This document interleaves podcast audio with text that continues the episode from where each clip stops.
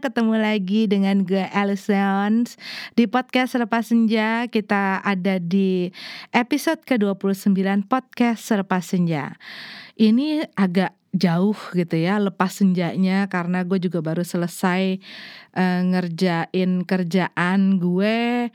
Dan gue dari tadi padahal udah punya pikiran gitu ya. Aduh gue kalau sampai abis maghrib gitu ya gue udah bisa nyelesain gue bisa langsung bikin podcastnya ataupun bisa sebelum uh, jam 6 gue bisa bikin podcastnya. Eh ternyata tidak bisa.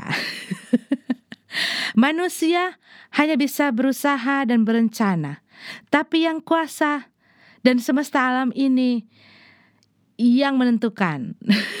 Ya enggak kadang-kadang kita udah punya banyak ya rencana ngatur gitu ya rencana ngatur ini, ngatur itu, ngatur wah segala macem lah. Gue tuh eh, salah satunya orang yang biasanya gitu ya, yang punya banyak perencanaan. Tapi kan nggak ada salahnya. Hanya membuat hidup lebih teratur gitu ya. Kadang-kadang ya butuh seperti itu. Karena kalau tidak direncanakan ya akhirnya berantakan. Gue ada hal-hal yang tidak gue atur, ada hal-hal yang gue uh, atur gimana sih? Ada hal-hal yang gue nggak atur ada hal-hal yang gue biarkan secara bebas leluasa terjadi gitu.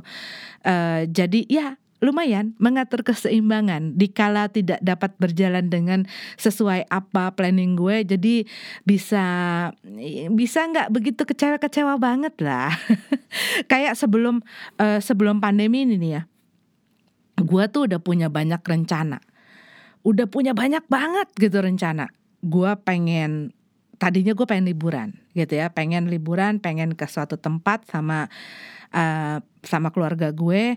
Dan itu gue tuh udah bikin apa ya gue tuh biasanya gitu. Kalau pengen liburan ke suatu tempat itu gue atur semuanya. Mau ke restoran apa mau makan apa gitu ya.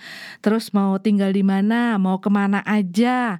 Itu hal-hal seperti itu tuh udah gue rencanakan dan sudah dirancang dengan sangat amat um, mendetil. Termasuk juga dengan uh, apa ya uh, apa biaya-biayanya. Ya sebenarnya sih uh, intinya untuk itu ya, untuk mencari tahu berapa sih budgetnya gitu loh. Kalau mau melakukan hal tersebut.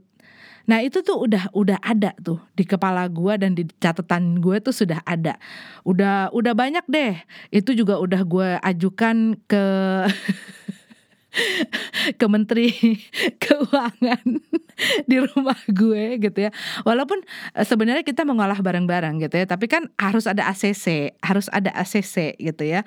Uh, dari leadernya tuh udah harus ada lampu hijau atau apa. Nah, kita tuh udah setahun ini tuh sudah berencana mengatur uh, jadwal dan segala rupanya bahkan itu udah sering kita omongin gitu ya masing-masing uh, udah cari gue mau ngapain, gue mau makan apa, gue mau apa gitu ya. Karena biasanya setiap kali kita pergi, gue juga selalu akan nanya gitu loh, nanya sama anak gue, sama laki gue. Kamu ada nggak mau uh, ke tempat satu tempat spesifik atau mau makanan spesifik gitu ya? Dan gue biasanya mengencourage mereka untuk cari tahu tempat itu dan cari tahu kira-kira apa sih yang menarik buat mereka Nah, ini tuh biasa kita rembukin agak jauh-jauh hari. Ternyata, eh ternyata kena PSBB gak jadi deh buyar semuanya. Tapi gue di di balik kebuyaran itu ada satu hal yang gue syukuri. Karena apa? Gue tadinya udah hampir gitu ya, mau booking ini, mau booking itu, Ya kan karena kan biasanya kan booking dari jauh-jauh hari gitu ya kalau mau melakukan satu perjalanan. Nah, setiap kali mau booking itu entah kenapa ada aja ada aja kebutuhan yang mendesak dan mendadak gitu kan. Sampai gue gini, e, kira-kira sebenarnya boleh gak sih gue pergi? Gitu dalam hati gue tuh kayak gitu. Karena setiap misalnya bulan ini gue mau booking misalnya hotel dulu atau mau booking uh, apa ya namanya transportasinya lah segala macam itu tuh seperti ada aja gitu loh. Tiba-tiba misalnya uh, anak gue butuh sesuatu gitu ya. Oh ya udah akhirnya uh, dananya dialirkan ke sana. Mau lagi ngebooking ini eh tiba-tiba di rumah gue ada yang rusak apa gitu ya. Terus akhirnya ya di, dialokasikan ke sana. Pokoknya ada aja setiap kali kita mau mau mengadakan pembukingan tersebut ada aja gitu loh halangannya. Terus ya gue biasanya kalau udah kayak gitu ya udahlah gampang lah nanti aja deh. Kalau memang uh, memang memang sudah apa ya memang kita memang bisa ya pasti akan ada jalannya. Gue tuh selalu begitu, thinking positif, positif thinking atau thinking positif. Jadi gue tuh setiap kali ada kayak gitu gue cuma ngakak aja gitu ya ketawa-ketawa sama laki gue ya ya udahlah nanti minggu depan atau ya udahlah nanti yang berikutnya ya udahlah nanti bulan depan gitu ya maklum uh, kita kan apa ya berusaha sendiri gitu ya bekerja sendiri jadi jadi bosnya sendiri. Jadi ya ya harus bisa eh, pintar-pintar melihat keadaan juga gitu loh. Nah akhirnya ter, selalu tertunda nih selalu tertunda selalu tertunda selalu tertunda. Akhirnya waktu itu kebetulan memang wah udah udah cukup dan udah hampir gitu ya. Ini kayak sebulan sebulan apa dua bulan gitu loh sebelum kita di di PSBB-in gitu ya sebelum di bukan lockdown kan kita kan hanya dibatasi gitu ya uh, tapi nggak bisa ke mana-mana. Ya itulah pokoknya ngerti ya. Itu sebulan se, uh, sebulan atau dua bulan? Kayaknya nggak nyampe dua bulan deh. Sebelum itu gue udah hampir udah hampir udah buka itu uh, apa aplikasi gitu kan. Udah udah pengen banget. Terus tiba-tiba uh, ada sesuatu yang terjadi di rumah gue yang membutuhkan uh, budget yang cukup besar gitu untuk memperbaikinya. Dan akhirnya ya ampun dalam hati gue ada ada lagi gitu kan. Terus ya lagi gue cuma bilang ya udahlah pasti ada rezekinya. Kita selalu begitu selalu berpikiran positif pastilah ada rezekinya. Kalau emang kita bisa pergi kalau memang uh, emang emang rezekinya kita untuk jalan-jalan uh, tahun ini pasti akan ada jalannya gitu kan selalu berpikir positif selalu berpikir positif Iya loh, kalau enggak yang ada kan uring-uringan. Banyak loh kadang-kadang orang tuh um, susah untuk menerima hal-hal seperti itu. Dan nggak gampang juga untuk selalu berpikir positif tuh nggak selalu gampang. Ada kadang-kadang uh, waktu-waktunya di saat lo tidak mampu untuk berpikiran positif tuh ada. Ya nggak bisa lah setiap kali, setiap waktu gitu ya. Wah positif terus. Emang gua apaan? Nabi gitu. Masih masih jadi manusia biasa. Belum jadi dewa gitu kan. Masih ada kesabaran masih ada dagingnya masih ada hawa nafsunya gitu ya. E, tapi untungnya waktu itu gue selalu berusaha ya positif aja gitu loh. Ya sudahlah ya sudahlah ya sudahlah. Memang kebutuhannya memang kita juga penting gitu kan. Ya sudahlah akhirnya terima terima terima. Terus tiba-tiba deng gitu pas lagi kejadian itu gue sama laki gue tuh ngakak tau gak ngakak sengakak ngakaknya uh, karena ya pastinya walaupun kita berpikiran positif dan berusaha berpikiran positif ada dong tanda tanya kenapa sih uh, kok kayaknya dipersulit, kenapa sih kayaknya kok mentok terus, kenapa sih selalu dihambat gitu kan? Ada pertanyaan-pertanyaan pasti uh, seperti itu yang selalu kita berusaha patahkan dengan pikiran positif itu. Terus gue oh ini tuh, oh ini tuh Tuhan gitu kan. Terima kasih Ban Ban Kamsya, nih gitu ya. Matur suwon. ya gitu. Dan gue beberapa kali ya pernah loh terjadi seperti ini. Uh, makanya gue dikala ada hal yang sepertinya menahan gue untuk mena melakukan sesuatu gue tuh berusaha untuk apa ya berusaha untuk ya itu gitu loh. Ya kalau memang nggak dikasih ya memang dihalangi terus berarti ada sesuatu gitu loh.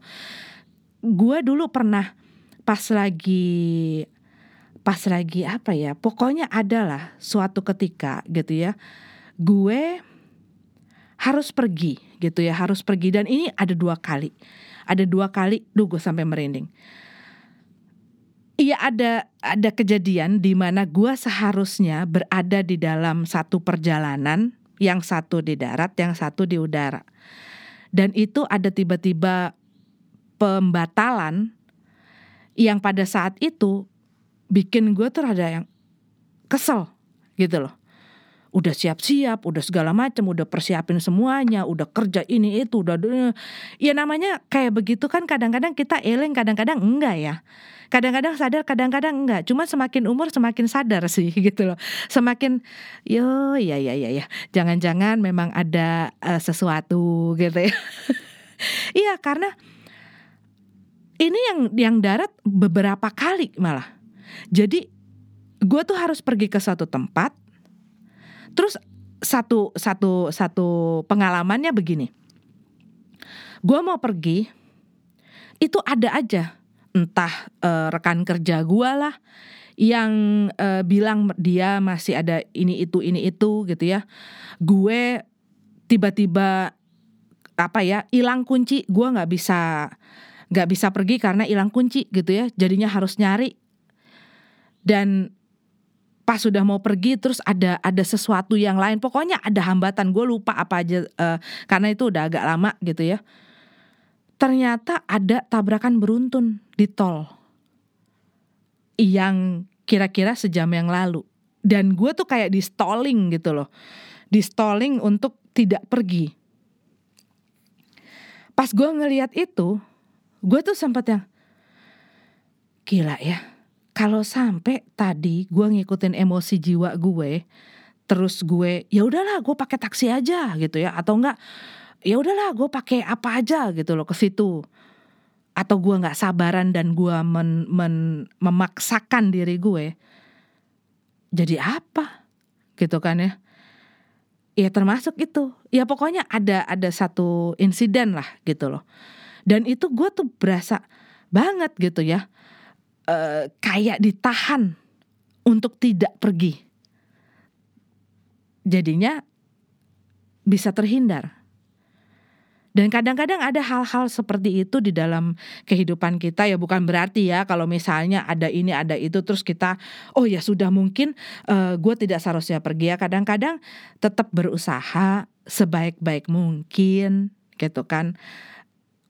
Iya siapa tahu masih bisa dilakonin. Tetapi kalau misalnya memang berkali berkali berkali maksudnya adalah supaya tetap eleng. Kalau gue kalau kalau laki gue bilang iya tetap eleng tetap eleng tetap sadar bahwa ya mungkin kita udah berusaha semaksimal mungkin tetapi ada saja kendalanya mungkin ada maksud di balik itu. Gitu. Jadi kadang-kadang juga ini ada di dalam masalah kita dalam kehidupan gitu ya. Bisa jadi di saat kita tidak mendapatkan jalan untuk men, me, apa ya untuk bersama dengan seseorang gitu kan ya. Seringkali kita tuh ngerasa kayak kecewa, ngerasa nggak terima dan kayaknya ngerasa bahwa hidup ini kok nggak adil banget. Banyak banget orang yang ngerasa hidup ini nggak adil gitu kan. ya cuman mungkin ada hal-hal yang yang kita harus hindari dengan adanya kita harus ngelepasin atau harus uh, mengambil jalan yang lain gitu dikarenakan bisa jadi dengan apa ya dengan memaksakan hubungan dengan orang ini atau menjalani sesuatu yang dipaksakan akhirnya malah jadi masalah. Gue punya temen yang udah tahun lalu sih sebenarnya, tapi uh, dia tuh sempet ya waktu dulu dia udah pacaran udah cukup lama, sekitar tiga tahunan gitu ya dengan seseorang.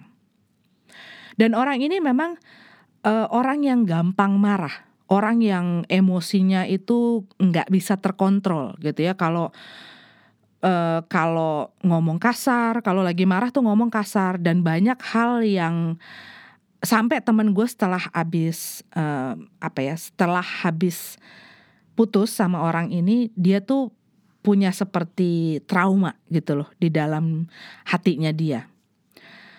Nah, temen gue waktu dipisah gitu ya, maksudnya waktu harus mau nggak mau mengambil satu keputusan untuk pisah dari orang ini, walaupun dia beberapa kali tuh udah kayak sakau, ngerti nggak? Udah kayak sakau. Padahal kalau lu tahu ceritanya, itu udah toksik banget udah udah nggak sehat banget gitu loh. Jadi orangnya orang yang dia pacarin ini orang yang uh, orang yang abusive gitu ya, orang yang abusive. Dan temen gue tuh bahkan pernah ditok iya kalau misalnya ada salah atau apa ya dia tuh bisa yang main fisik juga. Mungkin waktu sama temen gue yang nggak parah gitu ya. Tapi ya buat gue buat gue loh. Gue tuh bahkan sebelum menentukan gitu ya gue mau menikah atau menjalin hubungan dengan seseorang gue make sure dulu bahwa orang ini nggak akan main tangan sama gue dan gue ngomong itu dari depan gitu ya gue gue sendiri gitu ya gue gue ngomong. Tapi mungkin banyak orang yang yang yang tidak seperti itu. Tapi mungkin karena ketakutan gue gitu ya ketakutan gue untuk menerima perlakuan itu kalau gue gue ngomongin. Saat gue mau pacaran sama orang gitu ya gue bilang e, kalau gue bikin salah atau kita punya masalah, gue minta banget lo jangan pernah main tangan sama gue. Itu gue minta gitu loh. Gue minta untuk lo lebih baik ngomong ngomong sesuatu yang menyakitkan daripada lo main tangan sama gue. Nah teman gue ini pertama dia waktu si cowok ini mulai uh, apa ya lepas kendali terus pertamanya noyor gitu ya pertama noyor ditoyor gitu gue tuh sampai yang gini terus perasaan lo gimana Iya gue kesel gue sedih gitu ya. Dia ngerasa kayak ya nggak terima lah sedih lah. Ya pastinya lah gitu kan ya. Uh, tapi abis itu ya dia minta maaf. Abis itu dia minta maaf dia minta maaf dan berusaha untuk uh, menebus rasa bersalahnya dia karena dia sudah kelewatan batas. Nggak lama kemudian marah lagi udah mulai uh, nendang gitu. Terus sampai akhirnya suatu hari ditampar gitu kan. Cuman mungkin dikarenakan udah iya lumayan mungkin buat beberapa orang tiga tahun itu sudah cukup lama ya sudah cukup lama untuk membuat dia terbiasa dengan keadaan tersebut kadang-kadang orang menaruh diri di dalam satu situasi yang toksik atau satu situasi yang beracun atau e, tidak sehat gitu terutama dalam dalam hubungan gitu ya dikarenakan ya ya satu nggak berani satu nggak e, punya satu kepercayaan diri gitu ya takut termasuk nggak berani. E, dan kadang-kadang dengan berjalannya waktu dia merasa apa ya mulai terbiasa gitu loh dengan perlakuan seperti ini. Dan ini yang paling bahaya gitu loh, dampak kemudiannya. Karena apa? Kadang-kadang ada orang yang juga dikarenakan trauma masa kecilnya dia sehingga dia mengulang rantai itu lagi ketika dia berpasangan. Nah, ini teman gue uh, dulunya waktu kecil dia banyak di ya orang tuanya banyak main tangan gitu ya. Banyak main tangan banyak mukul dia banyak segala macam. Sehingga mungkin dia di situ merasa bahwa perlakuan ini adalah tanda sayang. Karena apa? Pembelaan. Waktu orang tuanya mukul ya kamu makanya kamu kalau misalnya ini ikutin nurutin dong kata mau gini gini gini gini. Kalau kayak gitu kan aku nggak mukul uh, mama atau papa kan nggak mukul kamu. Mama mama papa kan nggak beginin kamu gitu ya. Sehingga uh, apa ya terbentuk di dalam pikirannya dia oh ini adalah satu yang wajar gitu loh. Satu yang wajar yang yang walaupun dia tidak suka walaupun uh, hatinya sakit gitu ya dia tetap memaksakan dirinya dia untuk berada di tempat itu karena dia berpikiran bahwa orang ini sayang orang ini melakukan hal itu berlandaskan karena rasa sayangnya dia gitu loh.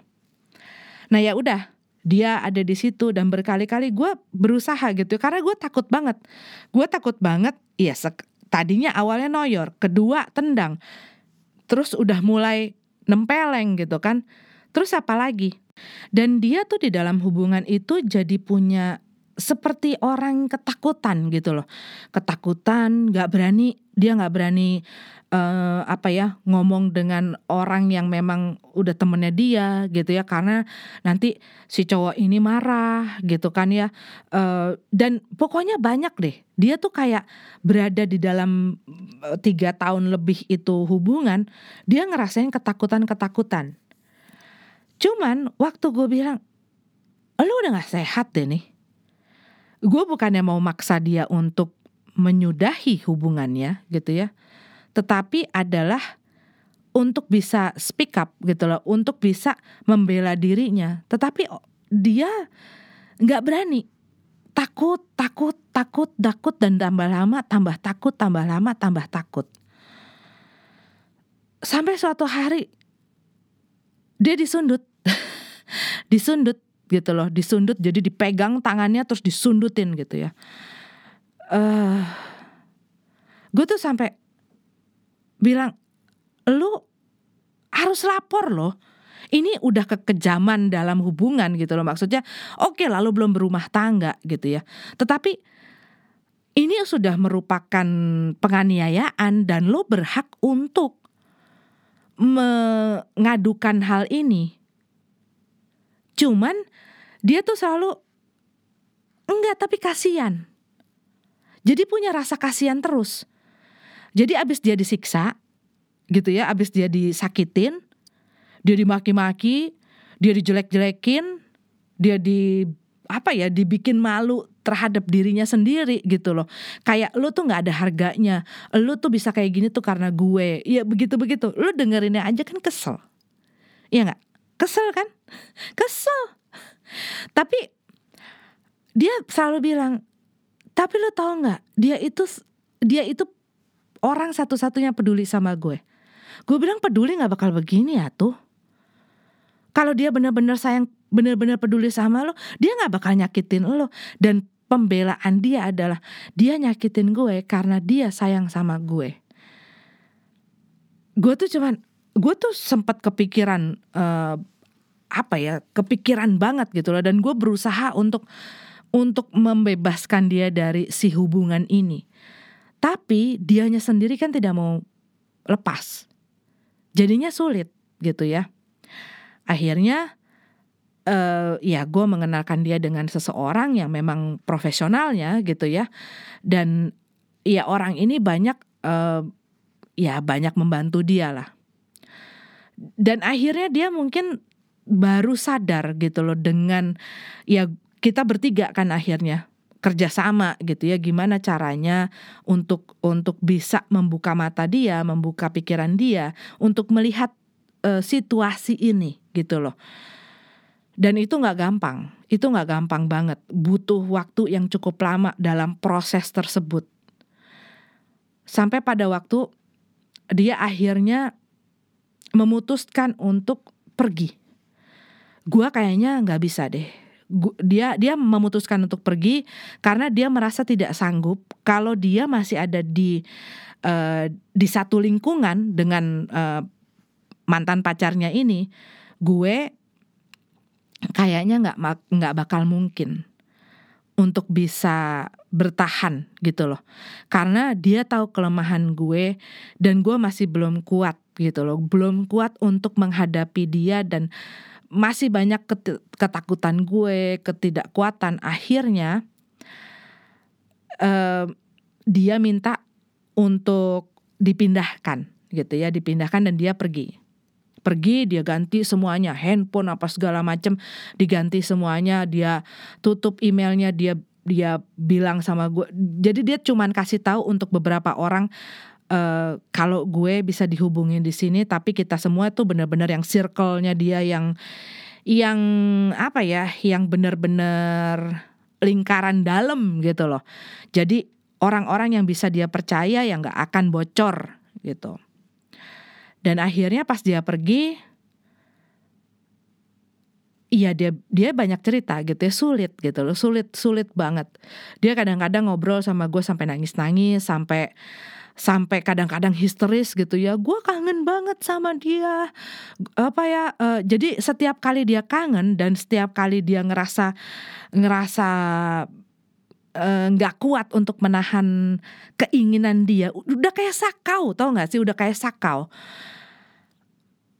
Sakau untuk di apa untuk disakitin gitu ya. Dan di saat dia seperti itu ya gue sama teman gue tergantian gitu ya. Ya udah lo telepon gue telepon kita mau video call juga boleh mau ngob ngobrol juga boleh. Gue temenin sampai pagi sampai lo bisa mengatasi semua ini. Jadi dia masih turun naik turun naik.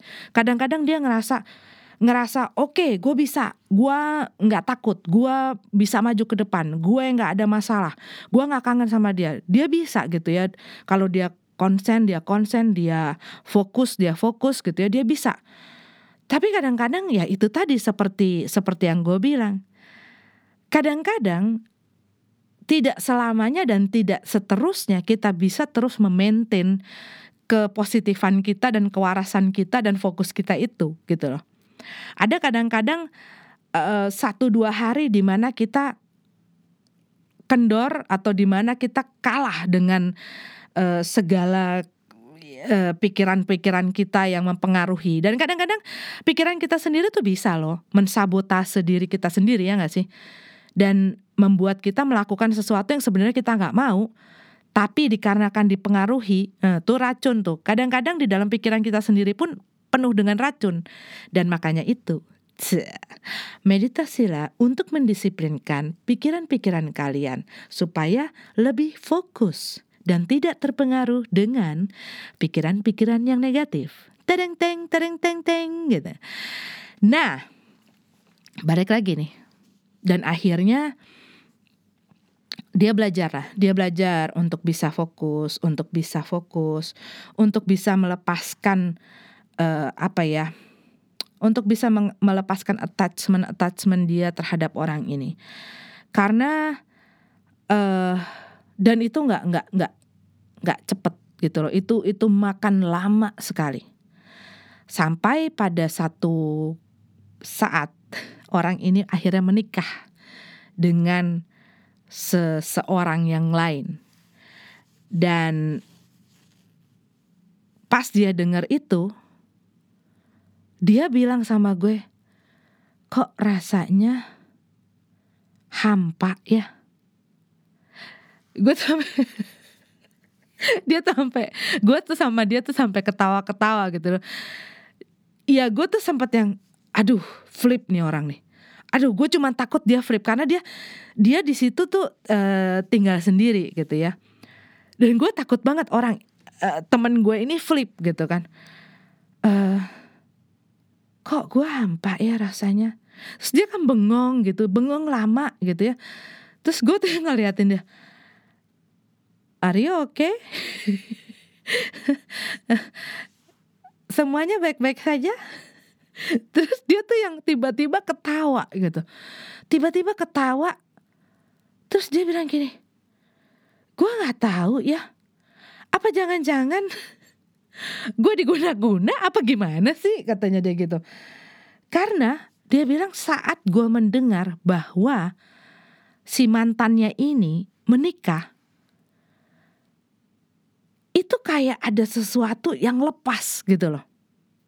Ada sesuatu yang yang lepas yang dia sebenarnya udah rasakan beberapa uh, hari belakangan gitu ya. Ada sesuatu yang lepas dan gue nggak tahu apa itu. Cuman gue seakan kayak ada rasa kosong gitu loh. Ada rasa kosong yang tadinya tuh rasanya berat. Tapi itu kosong. Waduh apa jangan-jangan di sana lilin mati nih? Ya kadang-kadang kan ya. Gue gua gua bukannya tidak menyikapi uh, situasi uh, teman gue ini dengan serius tetapi uh, gue sih selalu berpikiran yang yang nyata-nyata saja, yang real-real saja. Ini adalah mengenai toxic relationship ya. Buat buat teman gue yang sebagian lagi saat kita lagi lagi uh, sedang apa ya uh, konkol itu ada yang lu jangan-jangan diguna-guna lu makanya pas itu pas lagi dia udah nikah baru lu lepas dari guna-gunanya dia. Ada yang berpikiran gitu. Tapi who knows? Gitu loh. Kalau gue sih terbuka dengan segala kemungkinan-kemungkinan gue tidak begitu memperdulikan dan tidak begitu apa ya mikirin soal itu. Gue yang terpenting adalah temen gue udah udah beres gitu loh. Temen gue aman itu yang gue pentingin gitu loh. Mau itu karena apa? Ya bisa jadi masalah-masalahnya banyak. Tetapi ke dalam uh, apa ya masalah kejiwaan dia pun saat dia berada di dalam uh, hubungan sama si mantannya ini juga kan banyak mempengaruhi banyak melukai dia. Nggak cuman jasmani tapi juga rohaninya Pokoknya sih waktu itu fokus gue, tujuan gue cuman supaya teman gue selamat, teman gue baik-baik saja, teman gue aman-aman saja, dan dia bisa cepat pulih dari segala uh, sesuatu, dari segala luka batin yang ada disebabkan oleh orang tersebut. Udah gitu kan. Terus dia tuh waktu itu memang ngerasa seperti ada yang hilang. Dan dia sempat yang yang yang curhat lah gitu, curhat yang gila ya. Gue tuh kadang-kadang ngerasa kenapa sih gue selalu aja diketemuin dengan orang-orang yang seperti ini, orang-orang yang menindas gue memang cerita dia kurang lebih sama, cuman yang paling parah ini yang terakhir gitu ya. Yang sebelum-sebelumnya juga dimanfaatkan lah. Kurang lebih ceritanya kurang lebih sama. Cuman warnanya aja beda-beda gitu ya. Tapi uh, ya kalau dibilang ya orang-orang yang tahu kelemahan dia dan tahu cara mempergunakan, cara memanipulasi uh, temen gue ini gitu loh. Dan dia tuh sempat yang gila ya, gue tuh dari dulu ketemu orang yang begini-begini terus, nggak adil ya hidup ini, nggak adil ya hidup ini gitu kan ya. Uh, kok kayaknya gue tuh apa ya nggak bisa nggak bisa bertemu dengan orang yang benar, orang yang bisa mengasihi gue, menyayangi gue, gitu kan ya. Uh, dan ya itu kadang-kadang tanpa kita sadari gitu, waktu saat kita bertumbuh ber, berkembang, waktu kecil, kadang-kadang peran orang tua dan cara bagaimana kita terbentuk itu banyak mengambil uh, bagian atau peran dalam kehidupan kita di kemudian hari. Terutama banyak terjadi sekarang ini uh, ya di dalam hubungan-hubungan dengan uh, di dalam hubungan percintaan dan lain sebagainya gitu ya. Di mana orang kadang-kadang memaklumi uh, satu perlakuan yang sebenarnya tidak sepatutnya dia terima dikarenakan hal-hal yang dia lihat waktu kecil, hal-hal yang dia yang menjadi bagian dia lah dalam perkembangannya waktu kecil gitu. Dan kadang-kadang e, banyak orang tua orang tua yang mungkin merasa ah ini kan nggak apa-apa, ini kan nggak apa-apa gitu ya, e, segitu saja. Nah ini nih, gua waktu itu sempet ya, uh, ada orang kenalan gue. Kok orang sih? Ya iyalah orang. Tapi ada kenalan gue gitu ya. Dia terkena stres yang sampai bikin dia bener-bener apa sih kayak mental breakdown gitu ya. Jadi ke trigger sesuatu dia sampai kejang gitu loh kejang karena ya mungkin terlalu banyak hal yang dipendam sama dia dan tidak ada saluran untuk bicara tidak ada teman untuk sharing dan dia terbiasa menelan sendiri um, dan kadang-kadang nggak semua orang itu ketahanannya dia sama. Dan kadang-kadang sering kali gitu ya orang tuh ala kayak begitu aja lemah banget sih gua dong. Nah sering nggak loh ngeras uh, denger hal itu?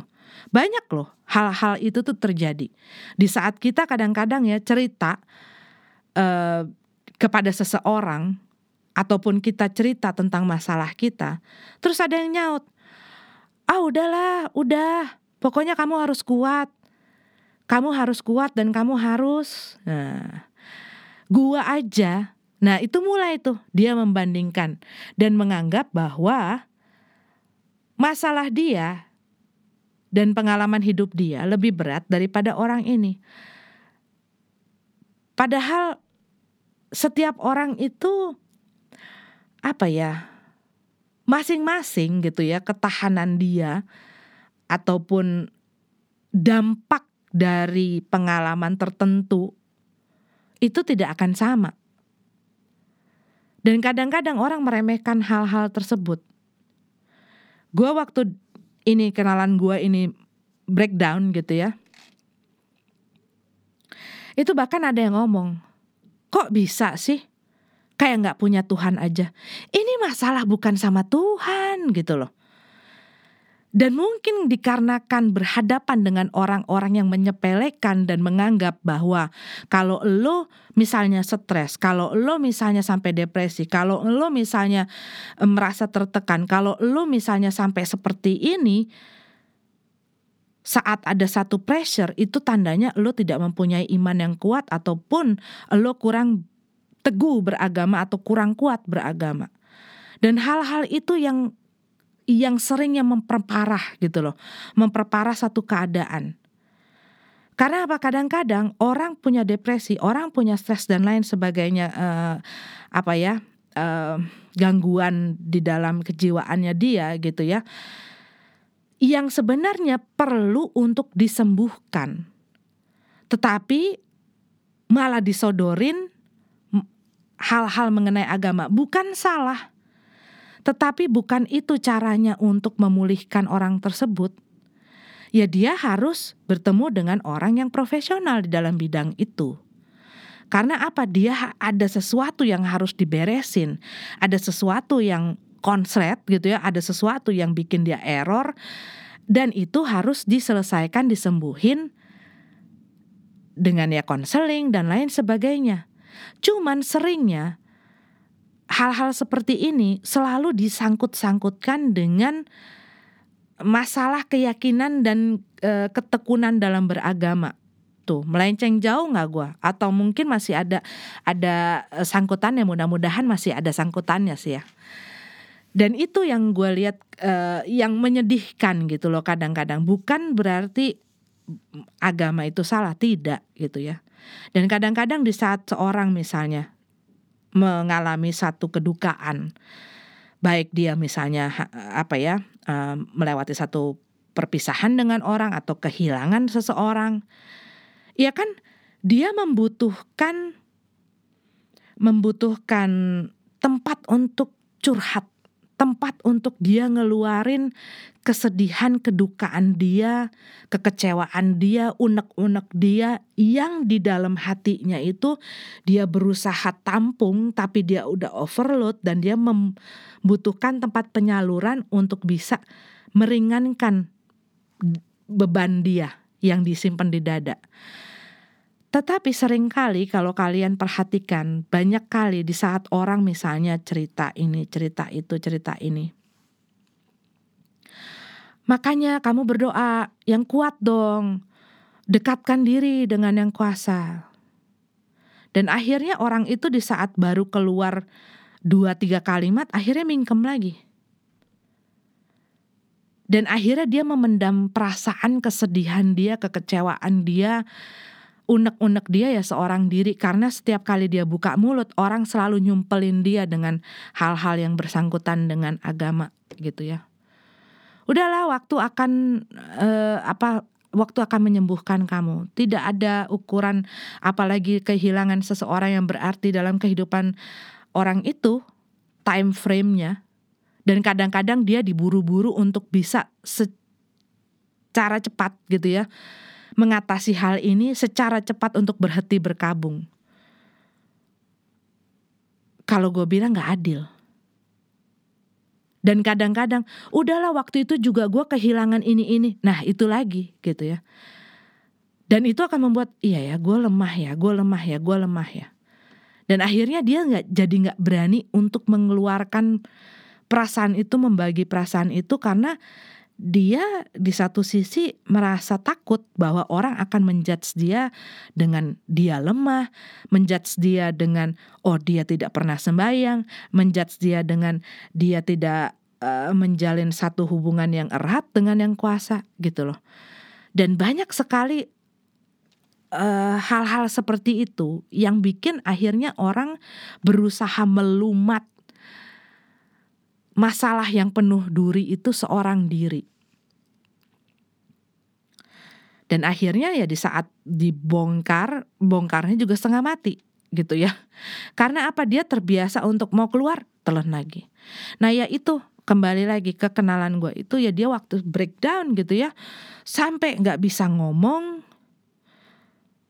sampai kaku sampai kaku dan iya ada beberapa ucapan-ucapan yang tadi gue denger yang tadi gue omongin itu yang gue denger. Dan saat itu ya mau nggak mau gue harus uh, bukan harus ya merasa perlu me meluruskan gitu loh. Karena gue selama ini orangnya sebenarnya nggak nggak suka adanya percecokan gue nggak begitu suka adanya pertikaian. Gue tuh orangnya selalu berusaha ah ya udahlah gue cinta damai. Peace yo peace yo peace yo gitu kan. Tetapi kadang-kadang orang-orang seperti ini orang-orang yang tidak pernah dibela. Dan gue ngerasa gila kejam banget ya di saat gue mengerti sesuatu dan gue tidak tidak berusaha untuk speak up gitu loh. Karena mungkin mereka tidak punya satu kekuatan untuk speak up gitu ya. Dan akhirnya saat itu walaupun orang-orang ini adalah orang-orang yang lebih tua daripada gue eh, tapi kan bukan berarti ya misalnya mau menjelaskan sesuatu harus dengan tone tinggi atau dengan mencak-mencak atau dengan marah-marah ya gue cuma bilang nggak semuanya harus disangkutkan dengan masalah ketuhanan. Berempati kayaknya lebih lebih baik itu lebih bisa meringankan itu lebih bisa apa ya mendatangkan kebaikan dibanding dengan menjat seseorang. Dan sering kali kita melihat banyak sekali orang orang-orang zaman sekarang yang dengan mudah dengan gampang tanpa melihat latar belakang seseorang melemparkan atau melontarkan hal-hal semacam itu yang membuat orang lain makin terpuruk dan makin sakit dan makin makin jatuh gitu loh. Dan kadang-kadang hal itu dia keluarkan hanya karena dia ya opini sesaat tanpa memikirkan efek jangka panjangnya. Karena kata-kata itu ya itu apa ya uh, stick and stone gitu ya. Kata-kata itu bisa mematahkan, bisa merusak seseorang loh. Walaupun mungkin diucapkan dengan tidak ada tujuan seperti itu. Itu bisa bikin orang jadi punya insecurities. Saat orang nggak punya insecurities, kadang-kadang dia jadi nggak percaya diri. Dia jadi tidak melihat ada sesuatu di dalam dirinya yang ya banyak lah hal-hal seperti itu gitu loh. Kadang-kadang ada yang sampai bunuh diri. Kadang-kadang ada yang sampai melukai diri sendiri Dikarenakan apa? Karena opini-opini mulutnya orang-orang yang asalnya nyeblak tanpa mikir. Kadang-kadang kalau lu lihat gitu ya, orang ngomong A, ngomong B, ngomong C tanpa pikir panjang dan abis itu mereka ber, e, berkelana lagi dengan urusan mereka dan ngomong lagi. Tapi orang yang kena ini loh, efeknya buat mereka itu panjang. Kadang-kadang ada yang seperti itu. Dan kalau ada yang punya pikiran, ah lemah banget sih kayak begitu aja nggak bisa. Ya karena kamu tidak, ya ketahanan orang balik lagi gitu loh. Mental orang beda-beda. Ada yang mentalnya tebel, kuat gitu ya. Karena pun dia punya uh, sistemnya dia juga kuat, keluarga dia, orang-orang yang mendukung dia sehingga dia kuat gitu ya. Tapi ada orang yang memang tidak punya tidak punya support system itu gitu loh. Dan saat dia kena deng gitu ya, dia langsung ambruk ada orang yang seperti itu. Dan kita nggak bisa gitu loh ngebanding ngebandingin kayak beginian. Maaf ya, baru kerja dan ketemu berapa klien jadinya agak terbawa emosi gitu. dan kadang-kadang gue pernah loh, gue ada satu kenalan gue yang sering melakukan hal ini, yang sering cari gara-gara gitu ya, ataupun sering memancing seseorang untuk ribut gitu ya, memancing sebuah drama yang menyebabkan salah satu orang ini uh, seperti dibully tapi bukan dibully yang yang kayak anak-anak gitu ya, dibully kayak di ya dipojokin, dipojokin, dipojokin gitu ya, diakibatkan ada satu orang ini Makanya gue sekarang udah agak-agak antipati gitu dengan orang itu. Tapi orang ini memang sering begitu dan senang. Dan suatu hari gue nanya, lo kenapa sih? Kayaknya kok doyan banget sih kalau ada drama gitu. Kalau misalnya nggak ada drama, kenapa? Sepi hidup lo. Dan dia tuh menjawab dengan gampang dan entengnya. Ya, abis lagi nggak ada kerjaan, seneng aja. Padahal ini orang yang jadi sasaran gitu ya. Itu dia udah sampai nangis-nangis. Udah sampai ya udah sampai stres gitu ya. Nggak enak. Ya namanya juga apa ya ditekan dari segala penjuru gitu ya. Kadang-kadang soalnya di saat satu mulai begitu yang satunya lagi ikutan yang satunya lagi ikutan gitu kan ya dan akhirnya jadi memojokkan dan gue tuh kasihan gitu loh ngelihat si orang ini yang jadi bulan-bulanan ini kasihan gitu. Dan akhirnya gue konfront si si yang suka cari gara-gara ini karena gue tahu ini kalau tidak dipancing sama ujungnya yang satu ini yang tadi bilang cuman suka aja abis lagi nggak ada kerjaan si ujung ini itu nggak akan terjadi. Dan akhirnya gue ngomong sama dia lu kenapa sih? Ada apa sih Nah abis selesai itu gue akhirnya ngomong sama si gue nggak menyebutkan dan maaf ya kalau lu agak bingung karena gue uh, tidak mau mengakibatkan adanya drama yang lain dan adanya orang-orang yang merasa tersinggung. Karena orang kalau nggak kita sebenarnya ngomong juga kadang-kadang cepat merasa dan cepat tersinggung gitu kan. Tapi saat mereka menyinggung orang lain mereka merasa tidak masalah Nah, ini adalah hal-hal seperti ini dan gue rasa hal-hal seperti ini tuh banyak relate gitu ya, banyak relate dengan orang-orang Uh, buat kalian juga mungkin yang mendengar mungkin tidak terjadi sama kalian tapi mungkin kalian kenal dengan orang-orang seperti ini gitu dan banyak sekali loh zaman sekarang apalagi zaman sekarang. Nggak usah kelihatan muka kan bikin bikin account bodong terus ikut-ikutan deh gitu kan. Hal-hal yang seperti itu yang kadang-kadang bisa melukai seseorang luka yang tidak terlihat tetapi dalam membekas di dalam diri seseorang dan itu dampaknya lebih berbahaya gitu loh. Maaf kalau selepas senja kali ini agak-agak gimana gitu ya. Uh, kurang begitu ceria, kurang begitu Iya, gue kayaknya masih terpengaruh dengan hawa-hawa tadi gue habis kerja seharian.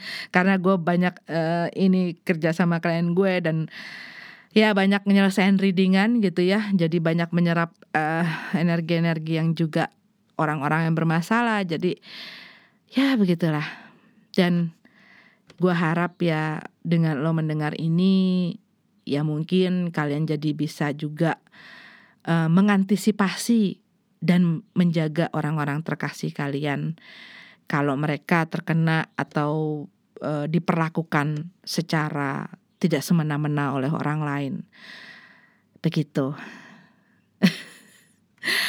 Oke lah, sampai di sini saja podcast Selepas Senja sudah mau masuk ke menit ke-50. Terima kasih buat kalian semua yang udah dengerin gue, yang udah support gue, udah support podcast ini. Uh, gue tetap semangat, tetap semangat, tetap semangat dan ini gue berusaha menepati janji gue bahwa setiap minggu hari Jumat gue akan post gitu ya. Uh, dan walaupun agak telat, ya setidaknya gue tetap posting.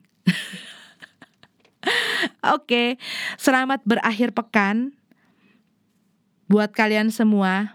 Semoga akhir pekannya menyenangkan dan tetap produktif walaupun kita sedang uh, dalam keadaan seperti ini tetap berpikiran positif, tetap uh, saling menguatkan, saling membangun, saling mensupport satu sama lain dan aku doakan semoga kalian semua baik-baik saja, sehat-sehat semuanya.